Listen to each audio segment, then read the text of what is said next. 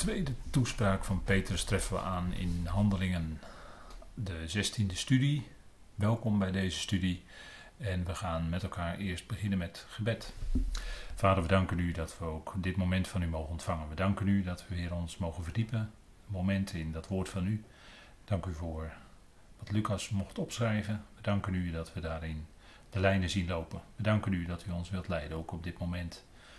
Vader, tot uw eer, dat is ons gebed en mag het ook zijn tot opbouw van ons geloof.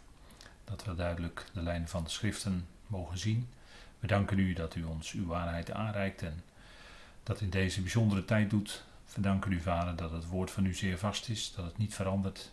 U verandert niet, Vader. U bent altijd liefde en u houdt van de mens. We danken u dat u van uw volk Israël houdt, waarover we zoveel lezen, ook in handelingen.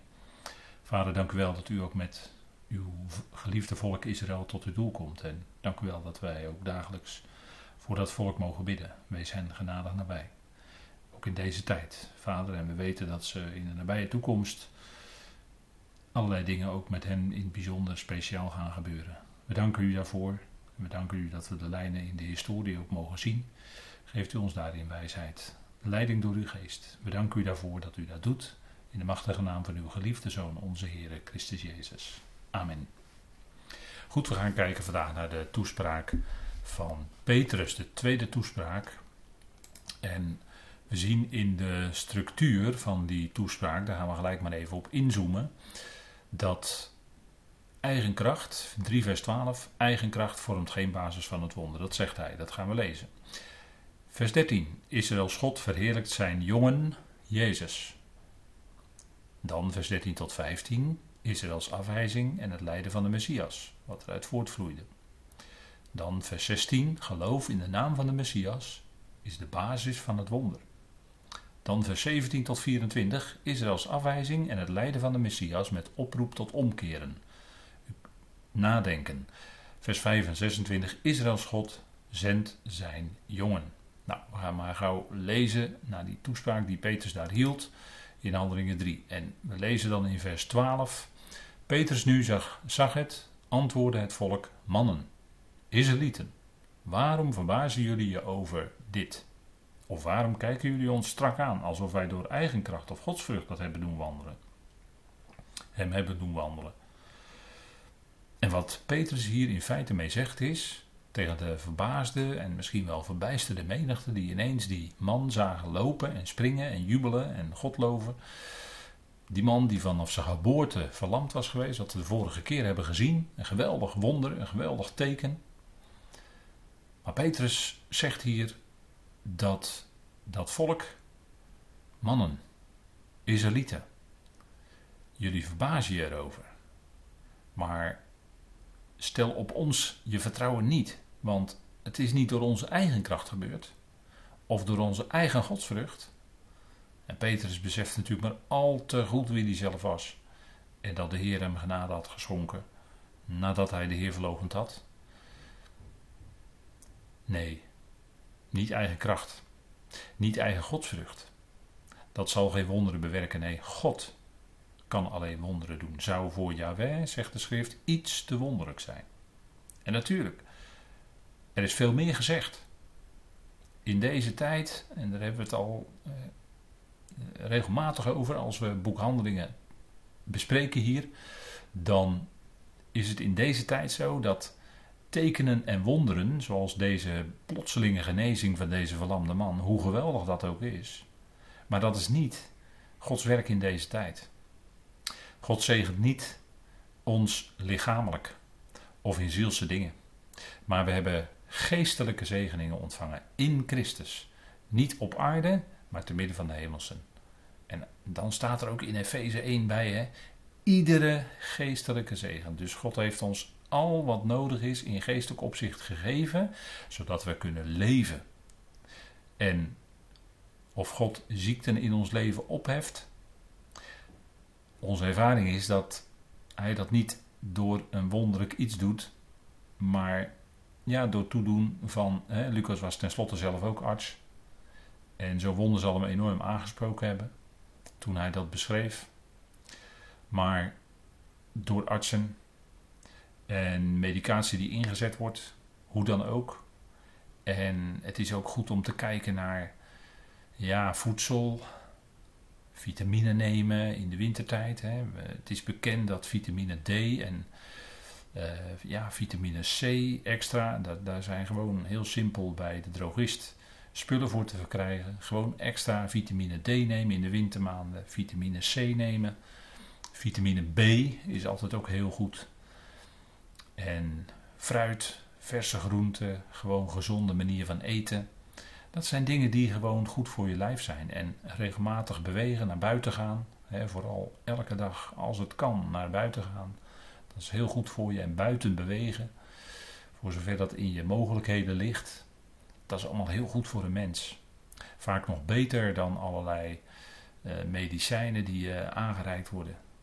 En het herstel van het lichaam. Ja, het lichaam is een heel wonderlijk iets. Het lichaam beschikt over een geweldig immuunsysteem. En met name vitamine D doet heel, hele goede dingen voor jouw immuunsysteem. En ja, daar zou nog veel meer over te zeggen zijn, maar ik, ja, het ligt toch wel een beetje op mijn hart om dit eens een keer gewoon uit te spreken, omdat je daar relatief maar zo weinig over hoort. Doen. Ik zou zeggen, die dingen doen. Dat is goed voor de mens. We hebben geen eigen vermogens om wonderen te verrichten. Maar we kunnen wel kijken naar aanwezige kennis die er is en zo ons voordeel daarmee doen. Kennis over vitaminen. De vitamine is gewoon heel erg belangrijk voor mensen. Voor u en mij als mens. We hebben geen eigen vermogens om wonderen te doen. Petrus die zei het al. We hebben geen eigen kracht. En de godsvrucht doet eigenlijk geen nut om een wonder te bewerken. Natuurlijk is godsvrucht iets wat de apostel Paulus ons ook op wijst, nadrukkelijk te wandelen uh, in, in godsvrucht, hè, God, godsvruchtig te leven, te wandelen. En, en natuurlijk, dat leggen we in de hand van de Heer. En de Heer werkt het in ons uit. Hij werkt het in ons uit. Maar we strekken ons ernaar uit. Als we ons hart vreugdevol is van het geweldige evangelie wat Paulus verkondigt. Maar Petrus kon daardoor die verlamde man niet laten lopen. Dat zegt hij hier. Hè? We hebben geen eigen vermogens. We hebben geen uh, we kunnen ook niet de andere de handen opleggen zoals het in de handelingentijd wel gebeurde. Om te genezen. We, hebben geen, uh, we kunnen geen diensten organiseren. Ja, dat gebeurt natuurlijk wel, maar we kunnen geen diensten te organiseren. Zodat we georganiseerd in een dienst en in, met, met allerlei dingen die daar dan gebeuren en dan, uh, dan genezingen laten plaatsvinden. Nee, nee. Veel mensen, veel mensen, meer dan u denkt, zijn daarin enorm teleurgesteld geworden.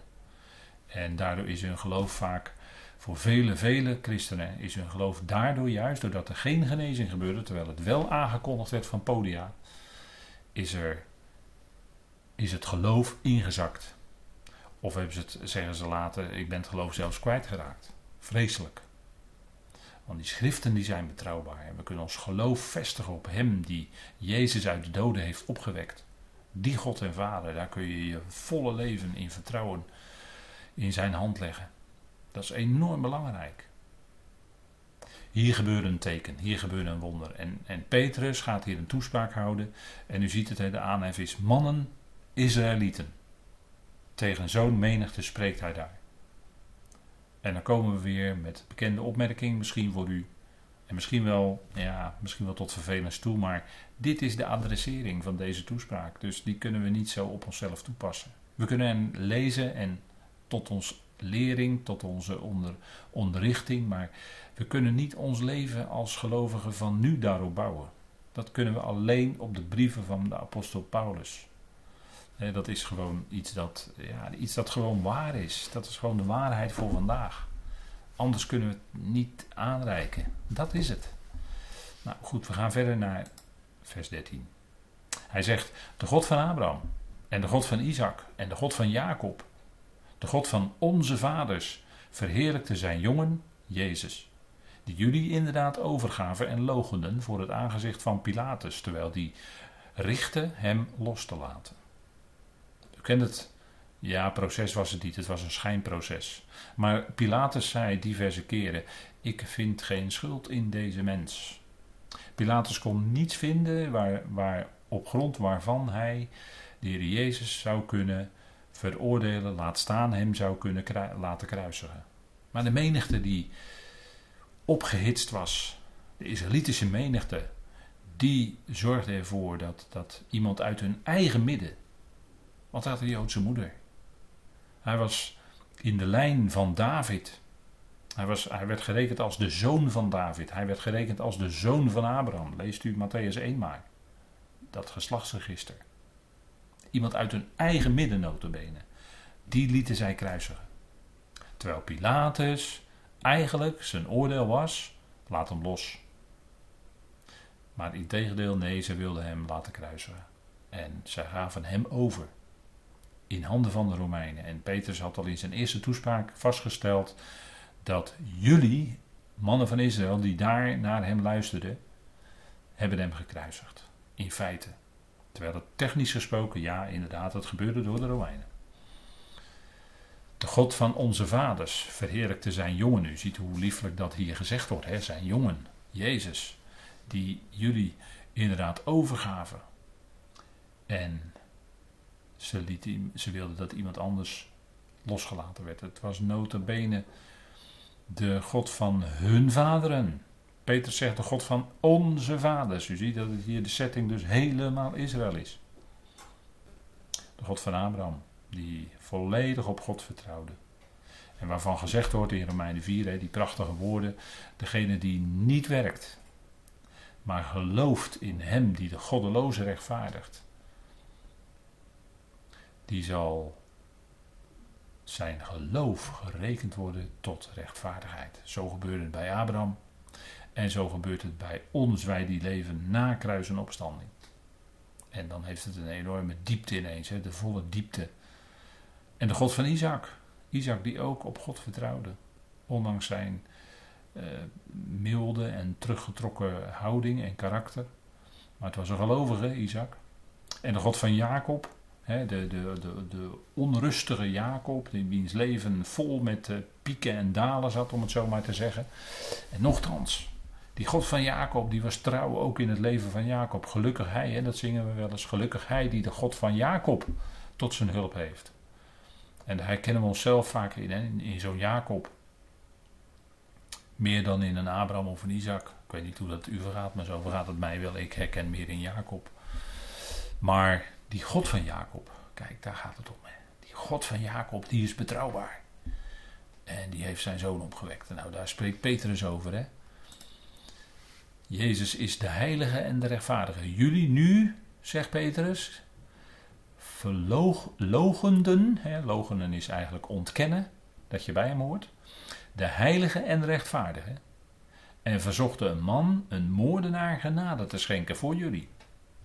Dus in plaats van Jezus, die volkomen terecht naar het recht gerekend vrijgelaten had moeten worden, in dat, ik zeg het nog maar eens, schijnproces, die werd niet vrijgelaten, maar degene die veroordeeld had moeten worden, Bar Abbas, dat betekent letterlijk zoon van de vader. En ja, hij is een moordenaar. Dus dan is die zoon van zijn vader en dat verwijst naar de tegenstander, want die was een moorden, mensenmoorder van de beginnen. En die lieten ze vrij, notabene. Hoe onrechtvaardig kon het zijn? De rechtvaardige werd veroordeeld door een enorm onrechtvaardig proces en het feit dat hij gekruisigd werd, was een enorme onrechtvaardige daad. Dat was een groot kwaad. Dat was een grote ongerechtigheid die daar gebeurde. Maar God, die keert alles om. Hè? God vormt dat om, die onrechtvaardige daad, tot rechtvaardigheid. Tot vele rechtvaardigen, zelfs tot de rechtvaardiging van de hele mensheid. Ja, dat is heel bijzonder dat God dat zo omkeert. Jezus, hij is de heilige en de rechtvaardige. Staat in Jezaja. De rechtvaardige, de leidsman ten leven. Laten we even opzoeken. Jezaja 53 vers 11. Petrus begint weer door de Heilige Geest geleid te citeren uit de profeten. Of te verwijzen naar de profeten op zijn minst. En dat is natuurlijk waar de Heilige Geest gebruik van maakt. De aanwezige schriften. Jesaja 53, vers 11. Daar staat: Om de moeite van zijn ziel zal hij het zien. En dan staat er in sommige handschriften zal hij het licht zien. Nou, als je dat impliciet wil opvatten als verwijzing naar zijn opstanding, ja, dan ga ik daarin mee. Hij zal verzadigd worden. Door de kennis van hem zal de rechtvaardige, mijn knecht, en mijn obed, zegt Jaweh hier, velen rechtvaardig maken. Want hij zal hun ongerechtigheden dragen. En nu is het zo, het eigenaardige is zo, dat in het Hebreeuws spreekt men over, wel, is er wel een woord voor alomvattend, dat is het woord kol in het Hebreeuws. Maar voor, het, voor wat wij kennen vanuit het Grieks, het woord allen, allen, daar kent het Hebreeuws niet zo direct een woord voor. En dan gebruikt het Hebreeuws eigenlijk het woord velen. En in feite zou je dan kunnen zeggen dat Jezaja, misschien zonder het zelf te beseffen, hier schreef over allen. hij zal de velen rechtvaardig maken. Hij zal hun ongerechtigheden dragen. En natuurlijk vatte Israël dit op dat als zouden velen van Israël, misschien wel alle Israëlieten, gerechtvaardigd worden. Goed, dat mag Israël zo opvatten. Maar door de apostel Paulus in Romeinen 5 weten wij meer, en mogen we meer weten, dat namelijk niet alleen allen, en dat blijken er heel erg veel te zijn, vandaar in één adem zegt Paulus daar ook de velen, en ook om de Hebreeuwse schrift waarschijnlijk toch te laten klinken, de velen, hè, maar het zijn in feite allen, allen zijn gerechtvaardigd of zullen gerechtvaardigd worden ten leven. Allen wil dus zeggen dat er niet één ontbreekt van al die miljarden mensen. En er leven nu wel zeven, en we zijn op weg naar acht miljard mensen op deze aarde. Maar die miljarden, dat zijn natuurlijk meer dan die nu leven. Maar al die mensen, allemaal stuk voor stuk, individueel, ze zullen allemaal gerechtvaardigd worden door de genade van God, op grond van het kostbare bloed van Christus. En Paulus zegt dan in Romeinen 5, vers 18 en 19 dat het er ontzettend veel zijn, dus dan zegt hij de velen. En daarom moest hij gekruisigd worden. En daarom moest hij via een onrechtvaardige daad alsnog toch aan het kruis komen. Dat was natuurlijk Gods plan. Maar Peter stelt hier wel even vast hoe het werkelijk zat. Hè? De heilige en rechtvaardige werd door de menigte gelogend. En in plaats van hem werd een moordenaar vrijgelaten. En zelfs die moordenaar, Barabbas, die zal uiteindelijk ook door God genade vinden. Gerechtvaardigd worden. Ook die. Degene die aan het kruis hing, een van die vier, weet u wel, die kreeg van de Heer al aan het kruis toegezegd: Jij zult met mij in het paradijs zijn, in het koninkrijk zijn. In de toekomst, in de opstanding natuurlijk. Niet direct, hij zou niet direct naar de hemel gaan. Die komma staat gewoon verkeerd in de vertalingen. Maar de Heer zei: Ik zeg jullie heden, ik zeg jou heden, je zult met mij in het paradijs zijn. Dat is wat ook beloofd was. Hè. Dat werd in de schrift ook het paradijs genoemd, het komende koninkrijk. Nou, daar zal hij aan deel hebben, omdat hij op dat moment aan het kruis hangend en terecht daar veroordeeld werd, toch geloofde in Jezus. En op grond daarvan heeft hij Ionisch leven in het koninkrijk.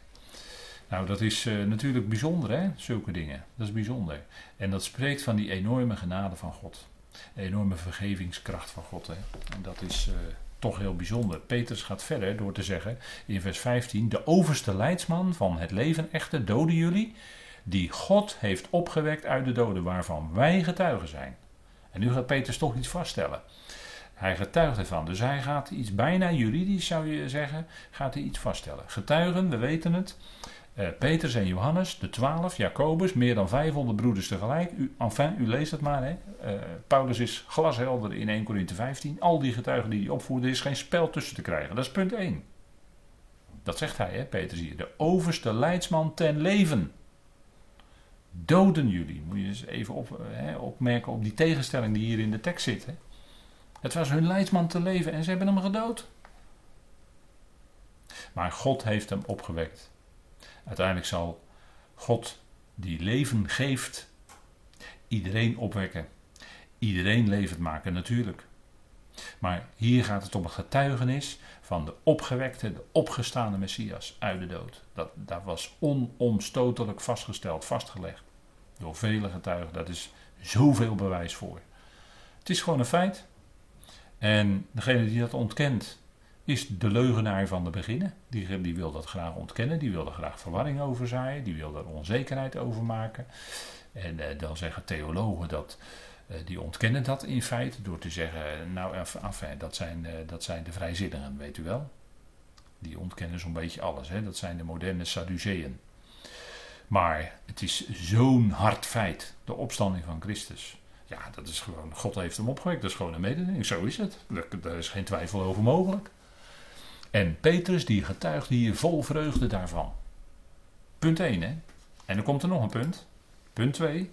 En in het geloof van zijn naam heeft zijn naam, want er zit een enorme kracht in die naam, de naam van Jezus, dat betekent Yahweh, redder. En dat is wat hier aan alle kanten ook weer blijkt. Heeft zijn naam, Yahweh is redder, deze man vastgemaakt zijn voeten, zijn benen, zijn enkels, zijn knieën vastgemaakt, die jullie aanschouwen en kennen en het geloof dat door hem is, dus die man die geloofde, maar dat geloof was hem door hem ook gegeven, geeft aan hem deze volkomen gezondmaking tegenover jullie allen.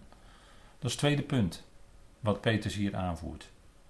Eerste, Jezus is opgewekt uit de doden, de opgestane Christus. En punt 2, er gebeurde een geweldig wonder, een teken. En dat was, die twee dingen samen, was een geweldig getuigenis voor het volk wat daar toen was. En nu gaat Petrus op grond van Tenach, gaat hij verder. En natuurlijk gaat hij op grond van Tenach verder, dat, dat komt niet anders. En nu, broeders, weet ik dat jullie allen in onwetendheid dit bedreven hebben, evenals ook jullie vorsten. En Petrus had in zijn eerste toespraak al vastgesteld dat het moest gebeuren naar de bepaalde of in de bepaalde raad en voorkennis van God. En dat is wat wij dan zeggen, dat is Gods kant. Dat is natuurlijk de absolute kant, dat is, dat is 100% eh, zo. Hè? En de menselijke kant, daar zit altijd onzekerheden aan. En vandaar hier, ze hebben het in onwetendheid gedaan. Ze hebben het in onwetendheid gedaan.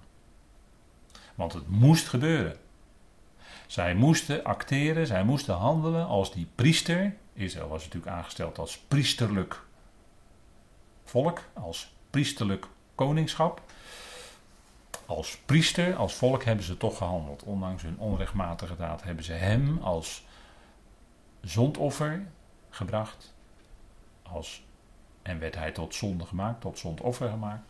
En dat is beslissend voor de hele, voor de hele schepping. Maar ze had het in onwetendheid gedaan. Evenals jullie vorsten. En nu zei de nacht daar wel iets over. Over zonden in onwetendheid. Hè? Nummer 15, vers 7, eh, 27 tot en met 29. Die spreekt over de. En als we het over de menselijke kant hebben. Dan spreekt nummer 15 over de zonden in onwetendheid. Of de onopzettelijke slash opzettelijke zonden. Maar die komen in de versen daarna aan de orde. Daarvoor was met offers vergeving mogelijk. We gaan het maar even met elkaar lezen. Nummer 15, vers 27. Als nu een ziel. In de vertaling staat er persoon, maar eigenlijk staat er ziel. Dus ik lees direct even wat nauwkeuriger vertaald voor u. Zonder opzet gezondigd heeft, dus onopzettelijk, moet hij een geit, dat is een uh, vrouwelijk dier, van één jaar oud als zondoffer hij mag ook lezen als zonde aanbieden. Dan moet de priester verzoening doen, eigenlijk staat er dan bescherming doen voor die persoon die zonder opzet dat deed, die zonder opzet met een onopzettelijke zonde voor het aangezicht van de Heer. Om bescherming voor hem te doen en het zal hem vergeven worden. Voor de ingezetenen onder de zonen van Israël en voor de vreemdeling die in hun midden verblijft, één wet geldt voor jullie, voor hem die onopzet, die dat onopzettelijk doet. Dus hier wordt geregeld de onopzettelijke zonde, en daar refereert Petrus in feite aan, dat daarvoor vergeving mogelijk was. Daarvoor moesten ze een geitenbokje brengen, een, gei, een geitje brengen. En dan op grond van dat offer, omdat het onopzettelijk was, was er vergeving mogelijk. En was het niet de Heer die aan het kruis bad? Een van die magnifieke kruiswoorden. Vader, vergeef het hun. Want zij weten niet wat zij doen. Ze beseften niet dat ze enorm zondigden. Maar het was een, in die zin, van, van, vanuit de Tenach bekeken, vanuit de Torah bekeken, was het een onopzettelijke zonde. En daarvoor was vergeving mogelijk. En was hij zelf niet dat offer. Waarnaar dat ene geitje verwees. Wat gebracht werd als zondoffer. Maar hij was zelf het grote zondoffer. En op basis daarvan, natuurlijk, vader vergaf. Het was een onopzettelijke zonde.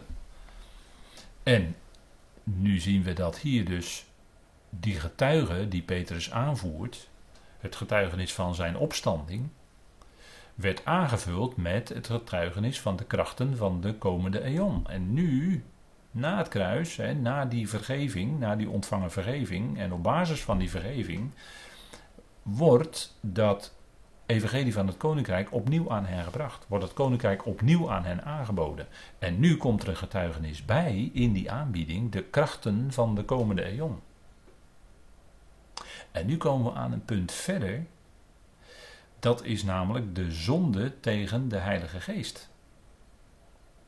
En daarvan wordt gezegd, en we denken nu na over dat Petrus zegt dat jullie allen in onwetendheid dit bedreven hebben, evenals ook jullie vorsten, heb ik op deze slide ook gezet. Maar de zonde tegen de Heilige Geest, die begingen zij in handelingen. Zij zondigden tegen het getuigenis van de Heilige Geest. Dat zei de Heer Jezus, dat het mogelijk was dat er een zonde was die niet vergeven kon worden. En in kerken heeft dat voor mensen in de loop van de eeuwen. de kerken hebben dan een aantal zonden benoemd. dat, eh, dat, noemt dan, dat noemt men dan de, de zogenaamde doodzonden. Uh, en men zegt daarmee, daar kan eigenlijk geen vergeving voor gegeven worden. Nou, u ziet hoe ver de kerken dan van het evangelie van Paulus af zijn geraakt. Maar ze zijn verdwaald geworden in deze, deze woorden die bedoeld zijn en die heel ernstig zijn. Dat, die ernst willen we absoluut niet wegnemen. Integendeel zelfs. Dit zijn hele ernstige woorden voor het volk Israël. Die wel degelijk zeggingskracht hebben, maar wel in de tijd en de plaats waarvoor ze bedoeld zijn. En ze zijn niet bedoeld voor deze tijd van genade waarin het niet gaat om vergeving van zonden, maar waarin het gaat om genade. En dat gaat veel en veel verder. Het gaat om verzegeling met Heilige Geest enzovoort, u weet het hè. Nou, in Matthäus 12 wordt er iets van gezegd. Hè? Zegt de Heer Jezus daar iets over? Pakken we er ook gelijk even bij. Over die uh, bekende, of moet ik zeggen beroemde, of moet ik zelfs wel zeggen beruchte zonde tegen de Heilige Geest. We gaan er maar gauw over lezen. De Heer Jezus die zegt dan in Matthäus 12, dat lees ik u even voor. Of hoe, uh, wie niet met mij is, die is tegen mij. En wie niet met mij bijeenbrengt, die drijft uiteen. Daarom zeg ik jullie, alle zonde en lastering zal de mensen vergeven worden. Dus de vergeving was heel groots en royaal. Maar de lastering tegen de geest zal de mens niet vergeven worden. En dat woord niet is een hele. In het Grieks heb je verschillende woorden voor ontkenningen. En je hebt de ene, dat is een veel milder woord, dat is wat relatiever. Maar dit is een absolute ontkenning wat hier staat. Het woordje wat hier staat duidt op een absolute ontkenning. Een krachtige ontkenning. Zal de mensen niet vergeven worden. Hè? Zo moet je dan uitspreken. Wie een woord spreekt tegen de zoon des mensen, het zal hem vergeven worden. Maar wie tegen de Heilige Geest spreekt, het zal hem niet vergeven worden. Niet in deze eeuw, deze eon, en ook niet in de komende. En dan staat er eigenlijk, en ook niet Weer dat krachtige niet, hè, hier twee keer. Niet in deze eon. En ook niet in die op het punt staat. Dat, dat woord staat er eigenlijk. In het Grieks. Er staat een werkwoord dat betekent op het punt staan. En natuurlijk, toen de Heer Jezus dit sprak. Toen stond die komende eon, waar hij koning van de koningen zal zijn, op het punt aan te breken. Dus vandaar dat hij dat woord gebruikt. En dit is natuurlijk een hele een heel ernstig woord, wat hier klinkt. En we lezen dat ook in uh, Lucas bijvoorbeeld, Lucas 12, vers 10. Daar staan soortgelijke bewoordingen. Maar ik begin nu even te lezen vanaf vers 9, pardon. Maar wie mij verloochenen zal voor de mensen, die zal verloochend worden voor de boodschappers van God.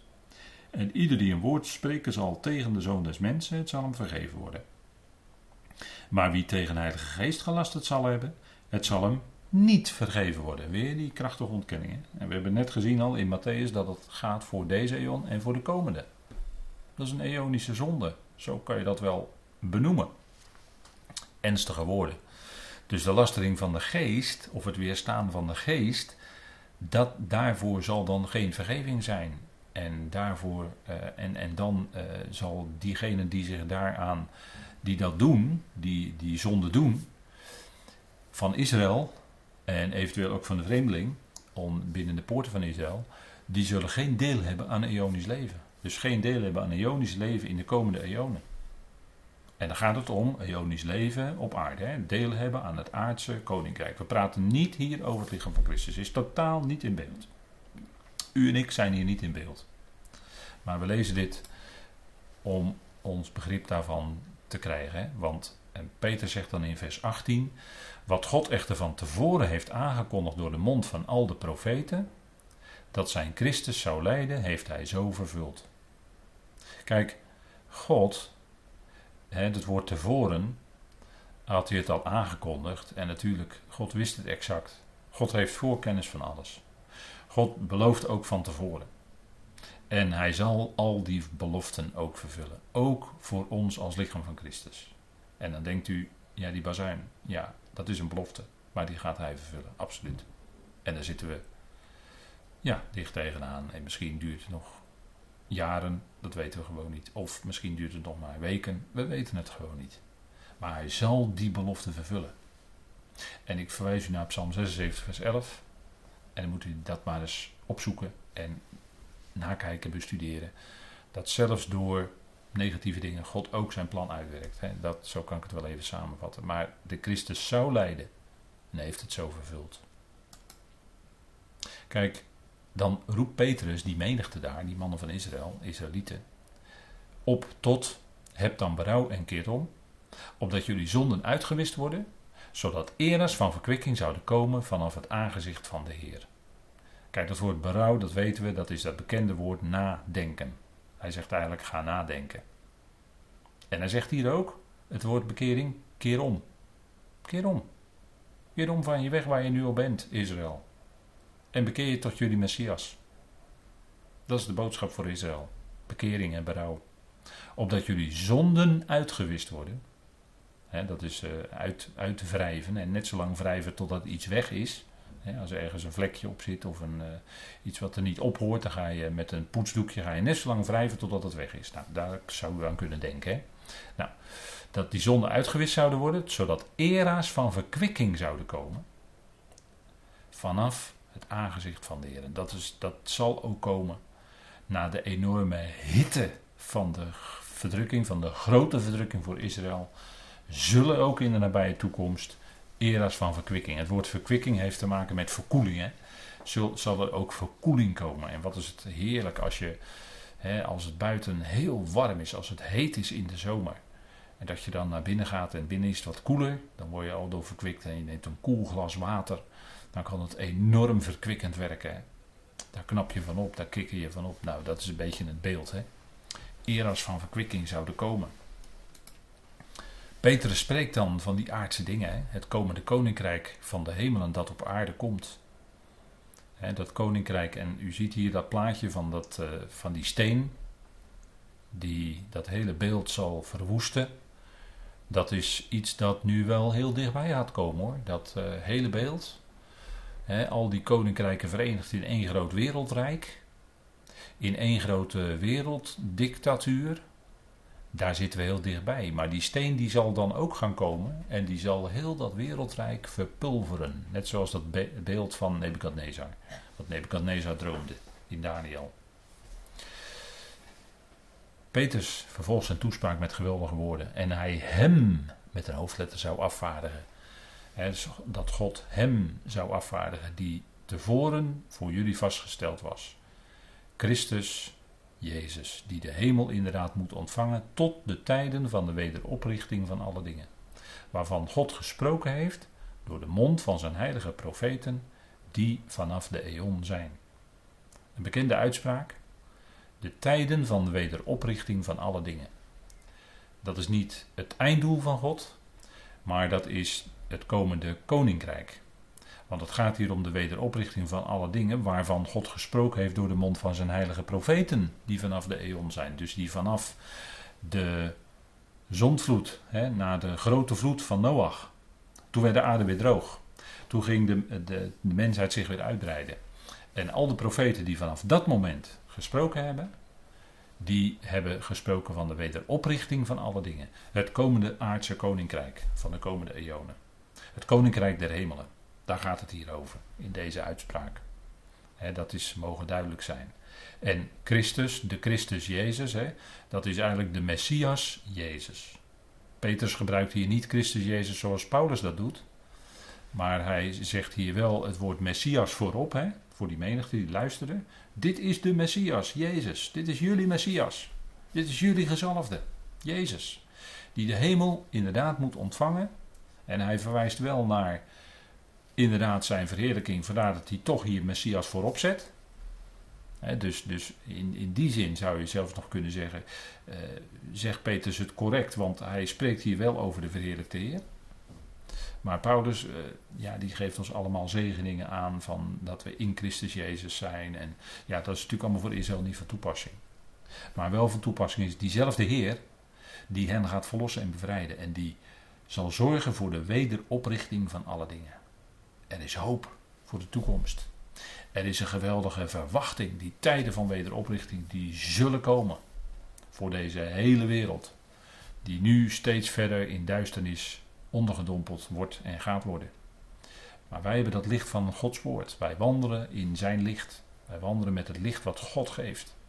En voor ons is er die geweldige verwachting. Die geweldige hoop. Ik, maar, verwachting is toch een beter woord, want het is veel zekerder die geweldige verwachting dat die Heer gaat komen. En voor ons is dat heel bijzonder. Wij hebben een eerdere verwachting in Christus. En, en dat is geweldig hoor. Maar er zullen geweldige tijden van, van verademing komen. De wederoprichting van alle dingen. Ja, dat gaat komen. Er komt een moeilijke tijd aan voor de wereld, voor de volkeren, voor Israël met name. De komende, de, de komende 10, 15 jaar. Wordt heel moeilijk. Maar daarna, daarna, daarna zal dit gaan gebeuren. De wederoprichting van alle dingen. Waarvan God gesproken heeft. Dat zal hij doen. Nou zullen we daarvoor danken. Vader, wij danken u dat we tot hiertoe in de toespraak van Petrus met elkaar konden spreken. Vader, want er is altijd zoveel te zeggen over de dingen van u, van uw woord.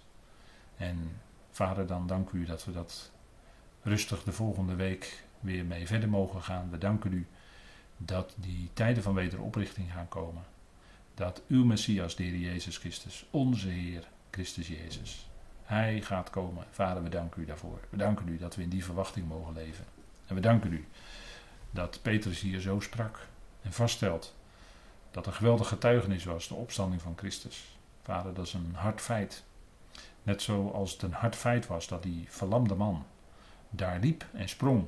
Hij was van zijn geboorte af verlamd geweest. Als beeld van Israël, het volk. Maar wat zal lopen en wat zal springen en wat zal juichen in de komende eon? Als het koninkrijk aangebroken is, als Jezus zich gemanifesteerd heeft als de koning van de koningen en de heer van de heren en zijn voeten op de lijfberg zal zetten om zijn volk te verlossen als eerste. En daarna over heel de wereld zijn koninkrijk uit te rollen. Vader, we danken u dat dat gaat komen. Dat we in die hoop en verwachting, die zekere verwachting mogen leven voor Israël. En voor ons die heerlijke verwachting van Thessalonicense. Vader, we danken u daarvoor. We danken u dat u ons zo bemoedigt door het woord van u. Dat u een levende God bent. Dat u de God van leven bent. Dat u allen zal doen leven. We danken u, we loven en we prijzen u daarvoor in de machtige naam van uw geliefde Zoon, onze Heer Christus Jezus. Amen.